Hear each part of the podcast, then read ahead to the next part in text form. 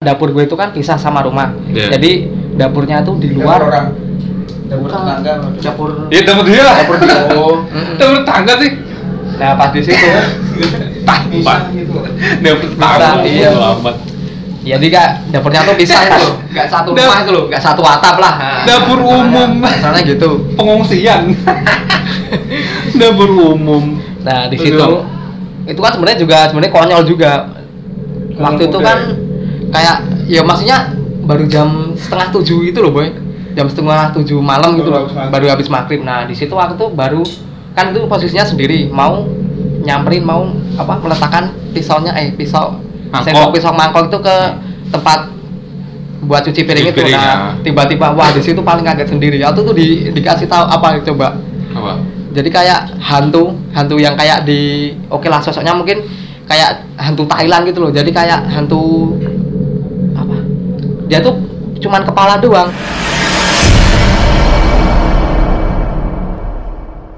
Oke, selamat malam para pendengar. Kembali lagi dengan gua Gilang Ageng Groho dan nggak gua sendiri nggak sama Adit. gue sendirian. Maksudnya gue yang nge-host sendirian bersama nanti ada teman gua. Dalam podcast Luda Pocong. Cuh. Kayak nggak ada tapi reaksinya. bukan pocong tapi Apa ya? Enggak, nggak apa-apa.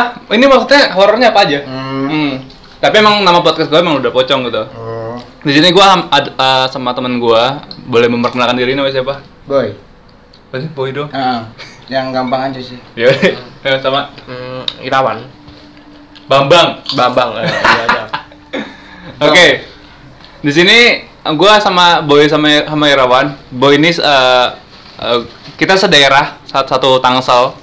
Terus juga sempat seasrama juga di asrama Tangerang. Terus sama Boy eh sama Irawan ini yang apa ya? Hitungannya anak asrama juga sih, tapi ya Hitungannya anak asrama tapi bukan asli Tangerang gitu lah ah iya iya. Cuman sering main ke asrama. Iya, Ah. main ke asrama.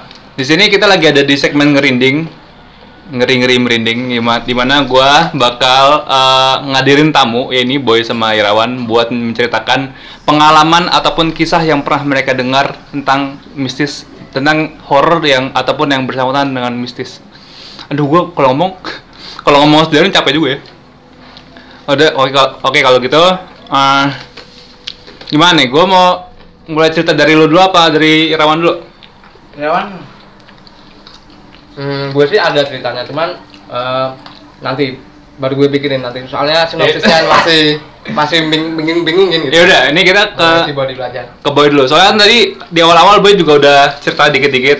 Nah, sekarang cerita lagi aja. spoiler Jangan dong, dari awal, dari awal. Oh, langsung. Ah, dari awal, dari awal. Jadi gimana, Boy? tapi itu bukan pengalaman pribadi ya cuma diceritain dari Temen lo. narasumber langsung Aha. dia pelaku Oh, dia yang dia dia yang ngalamin. bukan dia tapi dia salah satu orang yang mengerti jalannya Peristiwa itu. peristiwa itu Nah, itu di itu di mana tuh kejadiannya? di Gunung Lawu dia itu tim sar Tim SAR. Mm-mm. Lagi mencarian orang. iya jadi ceritanya itu Wow. ada seorang pendaki itu udah tahun ya masih tahun 2000-an sih tapi lupa tahun berapa pendaki cowok gitu sendiri naik malam hari terus sekitar nggak paling habis maghrib habis isya gitu berangkat terus dia berhenti di pertama perjalanan sekitar pos 3 jadi kan kira-kira tuh jam-jam 10 jam 12 malam gitu Iya. nah cuman dia apa namanya istirahat gitu Hah? soalnya di- kebetulan di situ juga ketemu sama apa ketemu sama mbah-mbah gitu loh Di pos 3 ada Mbah-mbah. Mm-mm. Ini Mbah-mbah penduduk sana. Iya Oh. kalau kita ngelihat tuh kayak penduduk sana gitu loh Oh, kalau kita- soalnya soalnya emang jalur itu sering banget buat ritual di atas puncak lawu itu pun juga ada penjualnya namanya Mbok Iem Hmm.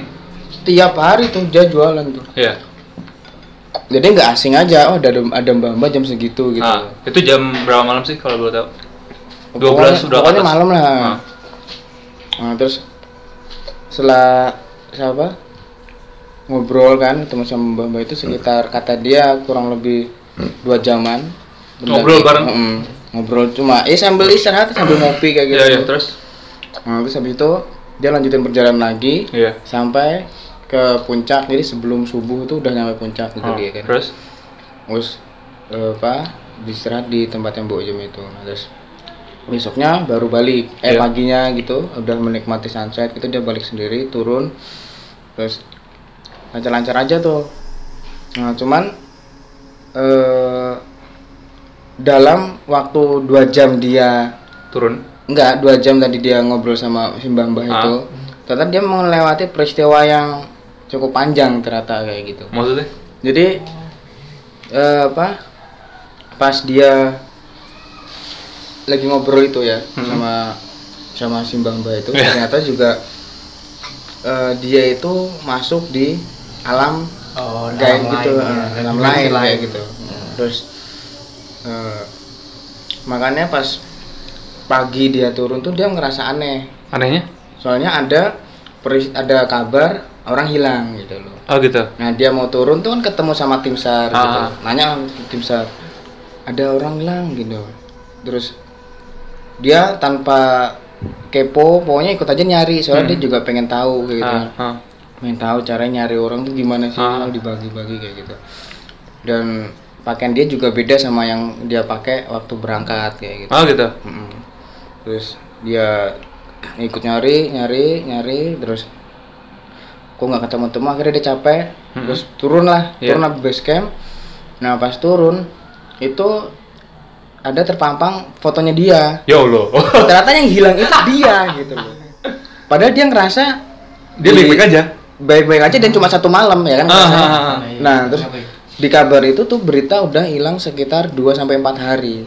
Oh gitu. Nah, jadi dua jamnya dia di ngobrol, Ngobrol sama mbaknya ini? udah melewati sekitar dua hari sampai empat hari itu. Itu dinyatakan hilang kan sekitar dua kali 24 jam atau tiga kali 24 jam gitu. Oh gitu. Baru dicariin gitu loh Mhm. SAR. Temennya tuh nyari nggak ada dia nyari dia tuh. Ah, ah. Terus oh, di akhirnya apa namanya dia baru merindingnya di situ. Padahal saya kan cuma ketemu sama mbah-mbah gitu loh. Cuman dan cuma ketemu sekitar, sekitar Hmm. dua jam dan itu nggak apa namanya nggak sampai berhari-hari Hmm. gitu. Habis itu pagi ke Mbok Iem, pagi langsung sarapan terus turun gitu loh. Ah, ah. Turun belum nyampe base camp tapi udah naik lagi dia buat nyari yang orang itu ternyata dia nyari buat dia sendiri ternyata. Jadi ada sisi apanya ya? ada Ada ada kony- konyol juga sih. Mm-mm, ada Ah. konyol juga, cuman kan bikin orang Yang tim lainnya uh, Mm-mm. padahal dia juga secara etika atau pembawaan Bener-bener aja. ha. eh, enggak enggak ada yang bikin janggal gitu. Ah, biasanya kalau misalkan yang diganggu gitu kan yang tingkahnya di gunung aneh. Hmm, Ah. hmm. Aneh, cuman dia ya ngerasa ya baik-baik aja malah katanya juga dari pembicaraan dia sama Simbah itu dia dapat ilmu banyak tentang cerita-cerita dari Brawijaya 5 karena itu kan Hah? Dari eh, di zaman dulu Puncak ngono? Lawu itu eh, Brawijaya 5 itu kan apa namanya? Pokoknya ada cerita eh, menghilang atau apa ya ibaratnya naik ke itu loh istilahnya naik langit. kayak melebur gitu loh dirinya itu Oh. di puncak lawu itu loh itu apa sih? Brawijaya itu kerajaan itu raja waktu itu. raja raja raja raja Majapahit terakhir kan Brawijaya Iya. Jadi dia melebur gue. kejar Mm-mm. yang mbah mbahnya tuh nyeritain tentang itu Terus apa? Berarti kan dapat informasi tambahan tuh. Apa? ya nggak juga Tapi nggak nggak nggak secara detail sih Mbah ini ceritain tentang Brawijaya 5 ngono. kurang tahu ya detail enggaknya pokoknya dia dapat cerita tentang Brawijaya 5 soalnya itu kan berkaitan erat sama Gunung Lawu juga Oh gitu. banyak sih cerita ternyata gue lihat di artikel tuh ternyata ya ada hubungan juga Brawijaya 5 sama Gunung Lawu itu sendiri Mhm. Nah, lo kan juga sebagai waktu dulu kan waktu kuliah kan lu juga sering mendaki gitu kan. Mm-mm. Lu dapat pernah dapat cerita-cerita aneh gitu nggak sih selama pendakian gitu? Kayak lu pernah cerita tentang ini deh ya teman lu nyasar di pasar pasar setan, setan Bumbra. Oh iya. Ya, pasar yang beli yang beli pisau. Iya gak sih? bukan mobil besok jadi di Merapi Ah, itu dapat cerita dari supir supir sebuah truk. ini bukan dia tuh supir Jeep. apa travel gitu loh Hmm. dulunya dia pendaki Ah, nah dulu kan diceritain tuh dia lagi naik ke Gunung Merapi sama teman-teman itu tahun-tahun 90-an ah. waktu itu kan zaman-zaman itu peralatan juga nggak selengkap sekarang jadi nggak juga bawa tenda gitu mereka Hmm, cuman hmm, tektok aja naik terus udah turun lagi gitu. Ya, waktu itu kata dia ada lima orang dia sama temennya itu lima orang naik ke mana ke Merapi lewat Cangkringan Hmm. Lu Cangkringan kan masih bisa tuh lewat Mbah siapa? Marjan. Mbah Marijan gitu tuh Dia lewat situ terus eh pokoknya singkat cerita dia nyampe pasar Bubrah. Ah. pasar Bubrah gitu. Dari lima orang tuh ada dua orang yang dia normal normal aja gitu. Jadi ngeliat sekitarnya cuma batu pasir gitu. Aha. tapi yang tiga lainnya itu terkesima sama sekitarnya gitu loh. Maksudnya Padahal belum- kosong. padahal ya kosong belum gitu aja. Padahal nggak rame. Dulu kan masih sepi, sepi banget kan terus cuman dua orang ini melihat tiga temennya yang itu ya ya wis lah biarin gitu dicuekin aja selama mereka nggak kesurupan atau apa gitu. Udah naik terus turun baru cerita mereka. Soalnya hal-hal aneh yang kejadian di gunung itu patutnya diceritakan di bawah nggak Oh di gitu ya. atas Itu etikanya base camp Oh.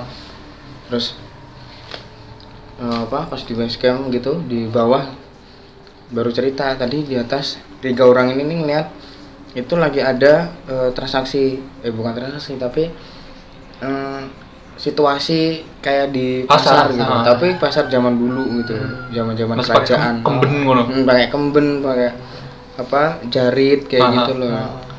pokoknya khas-khas kerajaan gitulah. Khas orang-orang dulu gitu masih barter kayak gitu. Nah itu ternyata pasar Bubra itu ya pasar pasar pasar setan Pasar gitu setan. yang pasar gaib lah gitu. Hmm. gitu.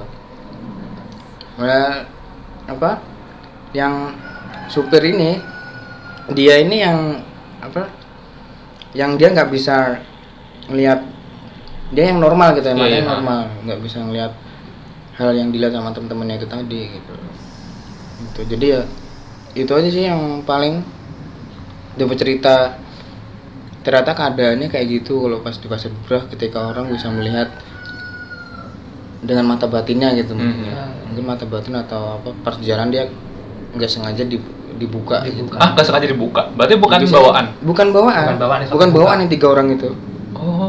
nggak nggak sengaja dibuka atau dia ngelakuin apa gitu ya Hmm. itu sih kalau pengalaman pribadi enggak sih paling cuma mimpi biasa mimpi di gunung tapi mimpi mistis di Hah? jalan ketemu. Seriusan? Iya, Tapi dalam di mimpi? gunung dalam mimpi tapi Kayak gimana tuh?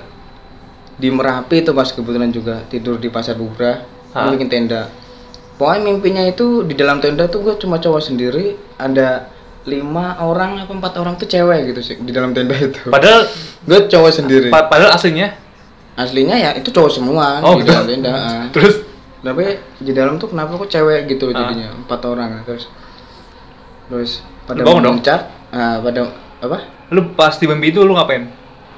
pokoknya ini cewek-cewek ini pada memuncak gitu loh Oh gitu. pada memuncak terus gue juga nggak kenal Ah.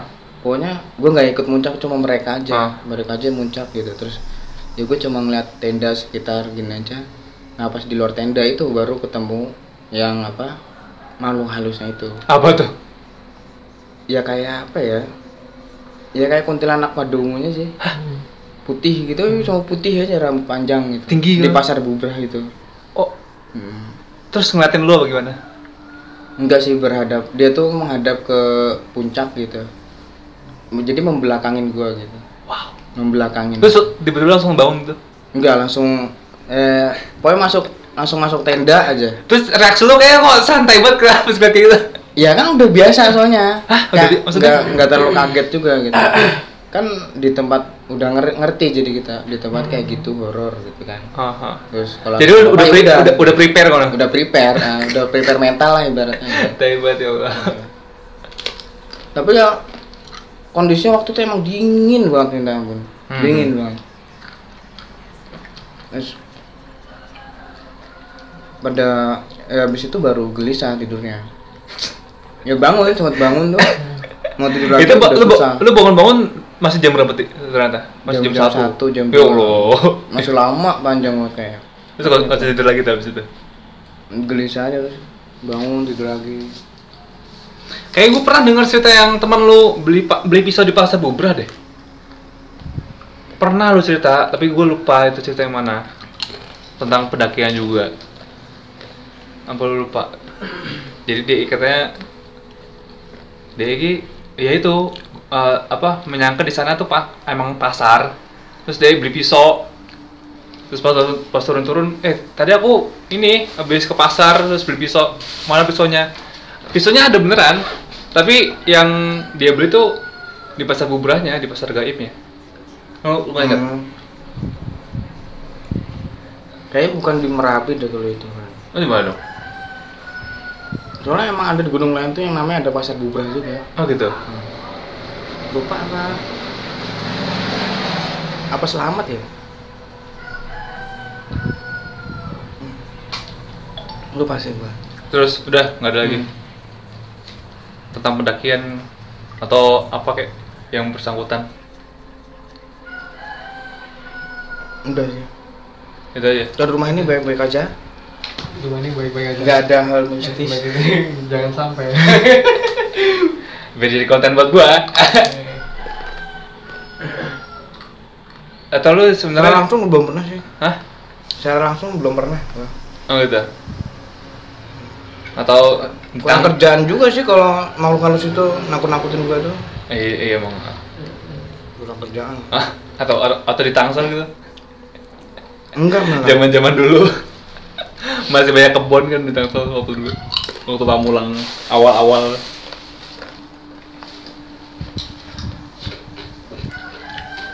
enggak Nggak ada. Ya, berarti lanjut ke narasumber berikutnya.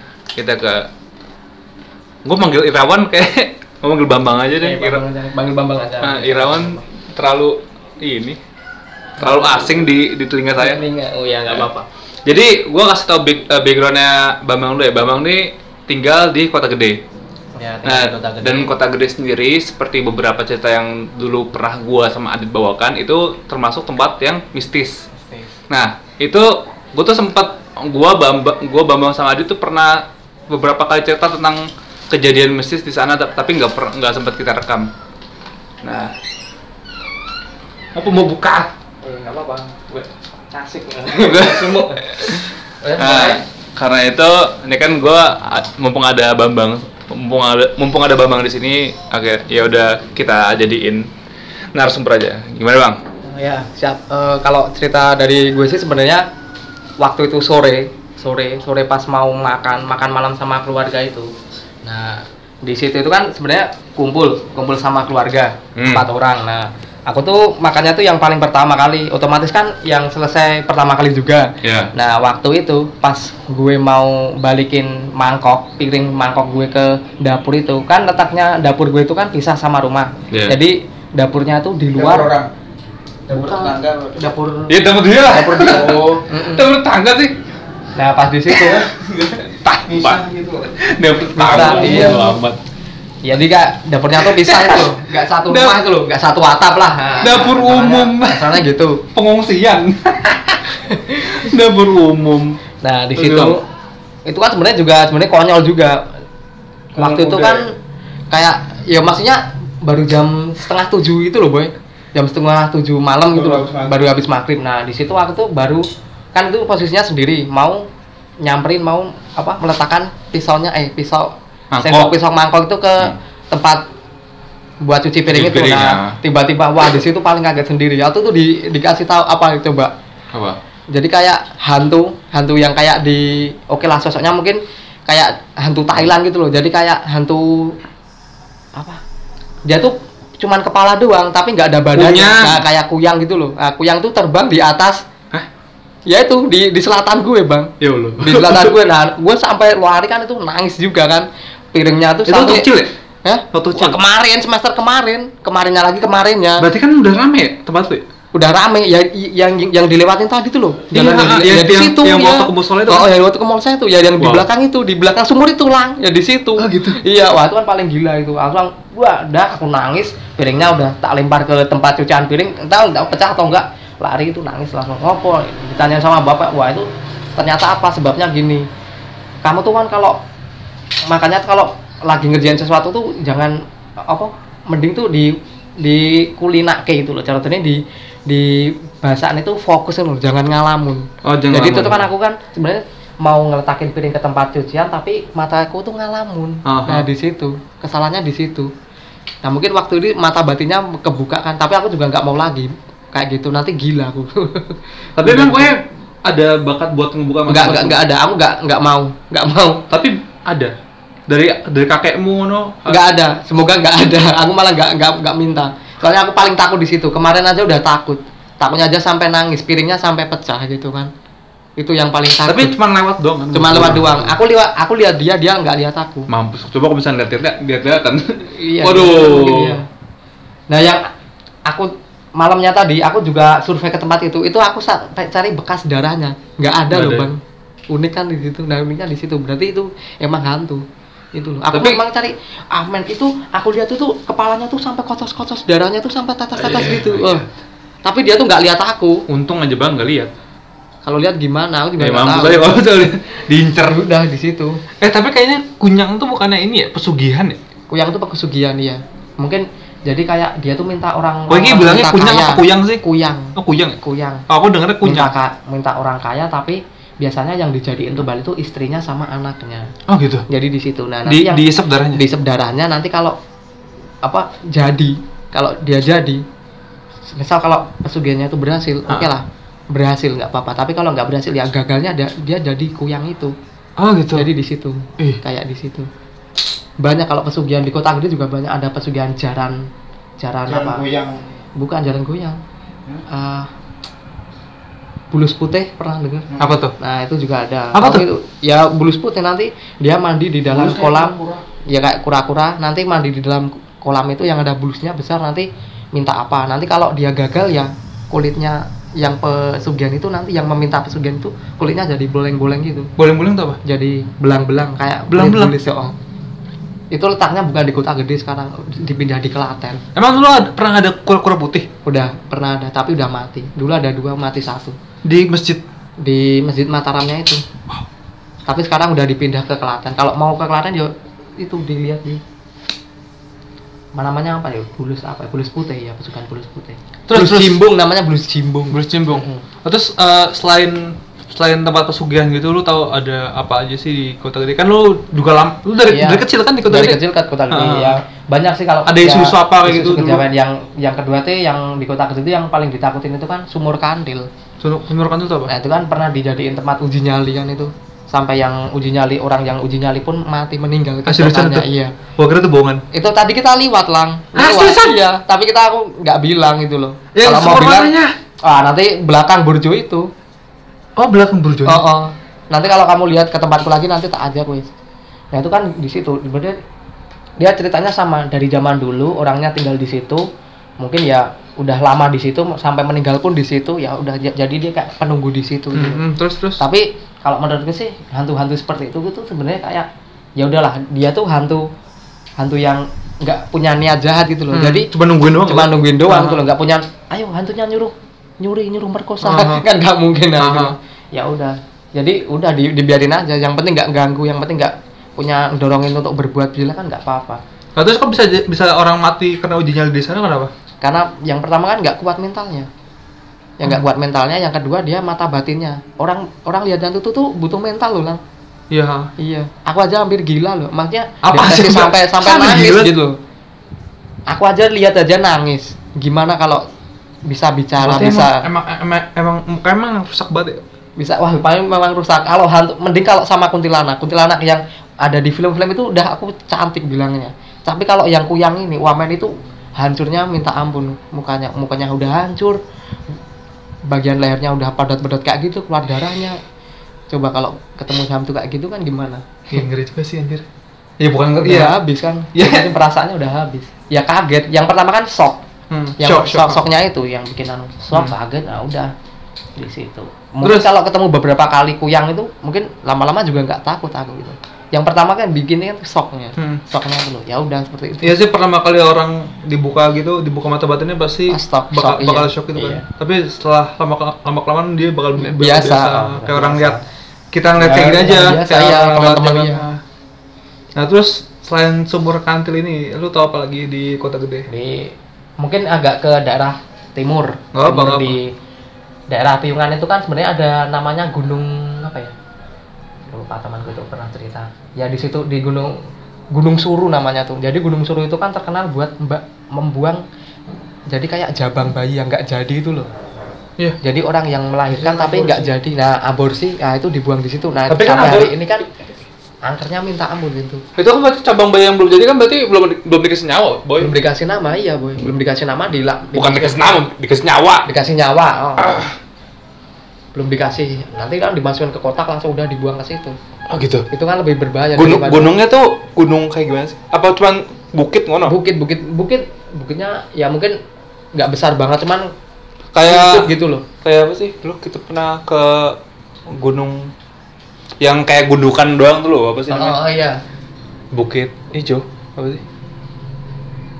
ya se- seperti itulah bukit hijau gitulah nah cuman di situ tuh kan khusus buat bu- bu- buang jabang bayi yang nggak Ah, jadi itu ah. nih. Terus, Makanya, ya dia udah dari dulu mungkin dari zaman kerajaan mungkin dari zaman kemerdekaan udah dibuang di situ ah, udah jadi kayak terkenal angkernya di situ jadi kalau jam 9 apalagi kalau tengah malam lewat situ pandang orang-orang udah mikir gitu loh ya mungkin karena hawanya mungkin karena energinya itu ener- energi yang mencekam gitu jadi nggak Mhm. berani lewat kan di situ ya di situ Daerah mana? Piungan. di daerah Piungan ya di situ terus yang ketiga itu daerah Klaten aku juga kenal daerah Klaten daerah Klaten itu namanya Kali Bacem kalau kamu pernah Kali Bacem. nah itu searching ada di, di, di Google ada itu Kali Bacem itu juga terkenal dulu tuh buat pembantaian korban G30 PKI PKI, Bu. iya Dibuangnya ke- di, ke Kali di Bacem? Kali Bacem itu jadi Waduh, banyak yang saya. apa kalau yang searching itu bi- biasanya banyak yang menemukan tangan kayak kepala itu wah ya jadi seperti itu mungkin di Google ada Di dasar iya. di dasar kali. Nggak cuma di dasar kali, di pinggir kali pun ada seperti itu.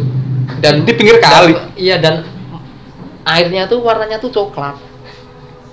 Airnya tuh warnanya nggak putih. Sampai sekarang. Sampai ya kalau sekarang mungkin terkenal angkernya, tapi Ah, dulu. dulu dulunya kan kalau mungkin kayak mayat-mayatnya sekarang ya udah nggak ada lah gitu. Tapi iyalah. kan hawanya, auranya kan masih terasa sampai Iya, sekarang kan. ah. Ya udah di situ aja itu. Mhm. Kalau kamu mau anu ya ke sana. Aku sebenarnya juga agak penasaran kali bacem itu. Mhm. Soalnya aku dulu cuman lewat, lewat di atasnya udah. Ya oh ternyata seperti itu kali bacem. Oh, ini- Mhm. di situ. Ya seperti itulah cerita dari saya yang saya alami sendiri gitu. Tapi kayak kayak lu pernah punya banyak banget cerita tentang horor gitu deh. Lu tuh pe- pernah cerita kata sama Angki sama Boy yang ke kota gede jam malam-malam buat ngapain? Oh itu, ayo, itu kan sama Iseng banget bodoh. sama Anggi, Anggi sama si Basrowi itu. Nah itu kan ke itu paling ya sebenarnya nggak ada kerjaan juga sih. Tiga orang ini ah, bertiga ini kan jalan-jalan tengah malam jam 12 lebih gitu. Jalan kaki. jalan kaki. Ya mungkin karena cari refreshing aja gitu loh. Di situ tuh kita tuh lewat kuburan namanya kuburan Manuk Beri. Mana nah di, di kuburan Manuk Beri itu kan sebenarnya dia tuh bukan kuburan umum. Jadi kayak kuburan buat tempat untuk menguburkan abu jenazah yang keluarga dari kalangan tertentu itu loh. Oh, Dari gitu. kalangan kesultanan atau kalangan Oh, jadi kerajaan abunya doang? iya abunya doang. Ada ayat tulang belulangnya juga ada di situ. Nah di pas waktu lewat di situ tiga orang tuh itu tuh tiga orang itu tuh lihat kayak mereka tuh ya termasuk saya tuh lihat kayak bola-bola warnanya putih. Itu berjumlah dua atau tiga kalau nggak empat. Itu tuh keluar dari dalam tanah. Dari dalam tanah melayang gitu. Terus ya mungkin kita juga ah apa itu? Penasaran gitu tapi Hmm, terus? nggak berani mendekat kan. Terus? langsung lari. Udah. Terus terus saya tanya ke Siapa? simba saya. Ngapain? tanya ke samba tanya ke simba saya tuh ternyata apa mbah saya kau kemarin itu nganu diwerui bal-bal sing saka metu saka jero daratan sing saka lemah no. Hmm. nah simba saya bilang gini itu tuh namanya hantu colok wan Hantu colok tuh apa? hantu colok tuh ya hantu yang wujudnya cuman kayak bola, Bola. Nah, Tapi orang menc- me- mensakiti enggak? tapi kalau kena bisa mati Ah, seriusan? iya yang paling tidak Maaf. sakit mungkin Mampus saya. kan kayak gitu namanya colok Kalau kena bisa mati. dulu tuh ada Tapi bisa ngincer kono. Bisa Aduh mampus. kalau didekatin kalau dia tahu loh makanya kalau aku lihat di sini nah, jadinya dia nggak tahu juga nggak apa-apa Ah gitu. nah yang ketiga kalau di Jogja sendiri di banyak di Jogja tuh cerita hantu sebenarnya banyak di bawah pohon pace itu tuh namanya ada hantu keblak Di bawah pohon pace tuh pohon pace mana pohon aja? pace itu pohon mengkudu Ini pohon mengkudu, mengkudu mana aja? ya man, pohon mengkudu mana aja Ah. tapi kalau di Jogja sendiri itu loh ceritanya di Jogja sendiri itu kalau jam 12 malam lebih itu biasanya orang-orang pada takut lewat bawah pohon itu karena biasanya kalau lewat di bawah pohon itu biasanya nanti kayak diikutin suara keblek keblek keblek keblek gitu Apa tuh? Suara keblok tuh maksudnya? nanti kalau Kuda. ditengok iya ditengok nggak ada suaranya kan merindingnya di situ jadi orang-orang Jogja itu sangat familiar dengan hantu keblak itu Kok ke- keblak tuh artinya apa? keblak itu artinya ya mungkin karena suaranya tuh blak blak blak blak blak gitu loh kalau hantunya Ke- Blak tuh ada Blak tuh maksudnya kayak kuda, kuda gitu bukan sih? Bukan. Bukan, bukan kayak kayak kuda. tepakan kuda keplak keplak. bukan bukan Oh, jadi bukan. kayak ya bukan eh, seperti gini loh blak blak blak blak tapi Oh, kalau ditengok itu tuh nggak ada hantu jadi nggak sepi gitu Hah. nah, cuman suaranya doang yang bikin merinding kan di situ Oh, jadi iya, kayak iya. di situ Diikutin ada ya? banyak kemudian di pohon pace di pohon preh itu wet preh itu juga banyak itu pohon beringin itu kalau pohon beringin ya mitosnya tuh ceritanya Kalau beringin emang serem. ya beringin emang serem gendruwo apalagi pohon gendruwo penunggu gendruwo kan itu pocongan pocongan itu juga Nah. banyak pocongan tuh biasanya di bawah pohon randu kalau di Jogja sendiri loh memang Randu, pohon randu. pohon randu itu pohon kapuk kapuk itu loh pohon kapas Kalau di tempat gua pocongan tuh di Pisang. ini, pohon pisang Kalau ya. pisang iya banyak iya. Nyamar. banyak nyamar terus kalau banyak. Kalau di pohon kelapa itu identiknya sama gundung pringis juga. Oh, gundul Iya, pringis gundung jadi kan- pala. jadi kalau bodoh ada amat. kelapa jatuh kan itu nah nanti biasanya jangan didekatin. Kalau didekatin ya kalau nggak jadi kepala. Mungkin kalau pas kamu kamu pegang di bawah pohonnya itu kepa- kelapa. Tapi pas kamu bawa pulang nah kepala. makanya di situ. Kepala. Soalnya beberapa orang ada tahu yang pernah gitu. Tetanggamu pernah nggak sih? kalau tetanggamu nggak pernah biasanya orang-orang luar. Ya maksudnya daerah luar kalau di kampung tuh nggak ada alhamdulillah belum ada Belum ada. Tapi di daerah di daerah Mugi atau di daerah kota gede gitu pernah denger kayak ada teror gitu nggak? Teror. Teror teror hantu apa apa gitu. Kan ka- kalau di dulu kan di tempat gua tuh ada namanya kolor hijau kayak mana. Oh, oh kalau anu belum belum belum pernah. Alhamdulillah belum pernah. Cuman hantu-hantunya kan kadang beberapa penunggu, beberapa penunggu tempat-tempat, beberapa penunggu pohon-pohon itu kan yang bikin merinding. Jadi kalau ketemu pohon ini harus wah menghindar malam-malam jangan lewat sini itu. Udah. Tapi emang kerasa hawanya kalau misalkan di sana. Iya, memang kerasa. Kalau malam-malam mau naik. Ma- malam-malam kerasa. Mungkin Padahal ya, padat ya. Pem- padat padat pemukimannya padat. Padat pemu- pemukiman loh. Mm. Mungkin gini aja ah, besok-besok malam aja main ke tempatku gimana? Bodoh amat. ya nggak apa-apa kita cari kalau mau lihat sumur kandelnya ada Kita- mungkin kita cuma lewat nggak cuma ma- nggak ma- nggak sampai masuk lah kita cuma lihat-lihat aja gitu emang di dalam rumah? di dalam rumah itu sumurnya Oh, ngono. sama jaratan ngancar itu tadi Jalan ngajar. ya itu belum pernah tahu tempatnya tapi nanti tak kasih tahu tempatnya Jaratan apa? ngancar nah. Apa tuh? yang jaratan jadi ya kuburan tapi udah di nggak nggak difungsikan gitu loh udah nggak difungsikan tapi ada yang difungsikan be- beberapa Hah? Nah, yang nggak difungsikan itu karena udah lama, jadi udah dari zaman kemerdekaan itu. Aha. Jadi kan nggak keba nggak nggak kebayang berapa banyak yang dikubur di situ Mhm. kan. Di situ. Emang di sana ada apa? Maksudnya di Jaratan Ngancar Ya, ini? cuman angkernya itu loh, ada yang Angker. di pocongan, gendruwo gitu. Waduh. Kuntilanak itu udah Waduh. ada aja. Nah, kan gitu. gue denger di di kota gede kan juga ada namanya rumah pocong tuh, tuh gimana tuh? Awal lu tau gak sih awal awal muasal dari rumah itu apa gimana? Rumah pocong. Rumah pocong itu sebenarnya Apa emang dari awal tuh emang emang udah emang udah rumah kosong aja gitu? kalau rumah pocong itu kan dari awal rumah kosong nggak ditempatin. Dari dari pun- lu kecil emang emang kosong. udah ada udah kosong Oh. Dan itu kan rumah dari bangunan zaman kuno. Hmm. Nah, udah nggak dari zaman kuno nggak ditempatin. Nah, di situ kan letak karena dianggap mistisnya di situ. Mhm. Banyak Tapi kan dijadiin sebenarnya. wisata ya sekarang. apanya? Jadi wisata ya. Jadi wisata wisata mistis anjir. Cuma tapi cuma dikasih boneka-boneka Boneka-boneka, iya. hantu ngono. Rumah pocong. Atau gini aja apa? Habis ini kita jalan-jalan kita foto. Gak apa-apa kita nanti kita lihat gimana. Ya iseng nggak apa-apa itu loh. Di mana ini yang rumah kandilnya gitu. Oh, iya, Ya. boleh, boleh, boleh. Ya udah di sini. Ya sekian dari saya udah. Nah, gitu doang. Iya, kayak kayak pernah banyak deh yang serta yang tukang sate sate dijailin tuh loh. Ya nanti saya li nanti gini aja nanti kita ke tempatnya kita foto tempatnya aja di mana kejadiannya udah di situ.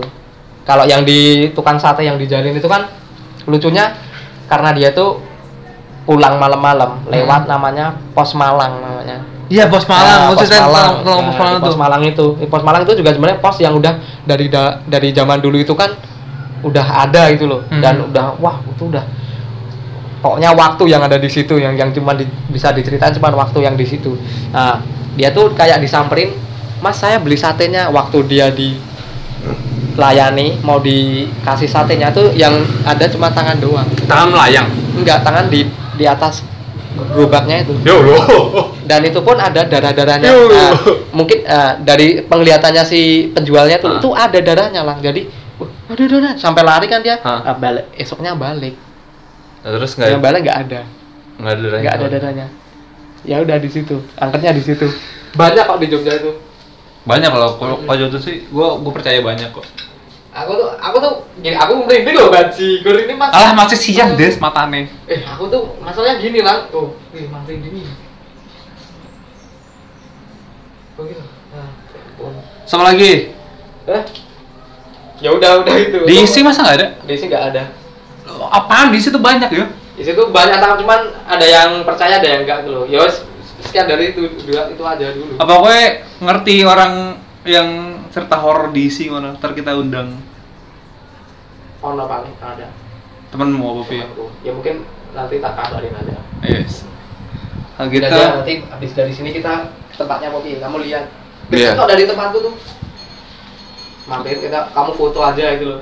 Hmm. Cuma ya kan sebenarnya kan atau pas malam hari itu loh.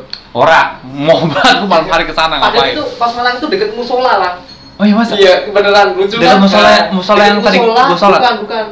Bukan. Lucu kan? Deket ah malu malu malu merinding loh.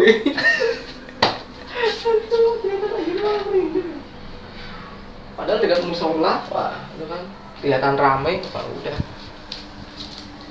Ini malah nggak bisa. Oke wes nih.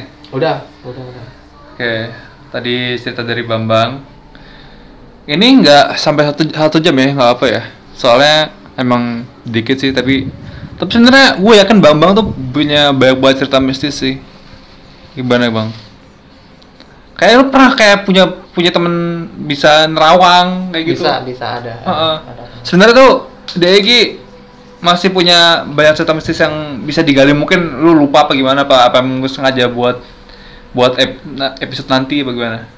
Ya mungkin buat Apa ntar lu inget-inget lagi ada Iya, apa? mungkin ini lagi nanti Ah. saya ceritain lagi. Nanti ka- tapi lebih asik kan kita on the spot aja gitu. Jadi di ini kan bener-bener kejadian nyata itu loh. On the ini spot, ya. bener-bener kejadian nyata dan aku nggak berbohong. Ini tempatnya, ini kejadiannya dan kalau mau tahu ya kita bikin saksi-saksi. Maunya kita manggil saksi-saksi yang tinggal di situ karena pos Malang tuh gimana kan keangkerannya gimana terkenal gini gini gini pasti nanti dia cerita gitu. Hmm, hmm, hmm. Nanti ke tempat gua aja nanti di sini. Oh, iya, boleh boleh boleh. Oke. Ada foto. Ah. Kalau gitu, eh, gua sebelumnya gue terima kasih banget sama semua pendengar lucong yang udah dengerin podcast gua dari awal sampai akhir. Podcast gua dan Adit dari awal sampai akhir. Makasih banget yang udah dengerin episode ini. Eh, gua Gilang Genugroho. Lo? Eh, gue Irawan Adi Prasetyo, Aka Bambang. Boy. Pamit undur diri. Salam lucong. Cuh.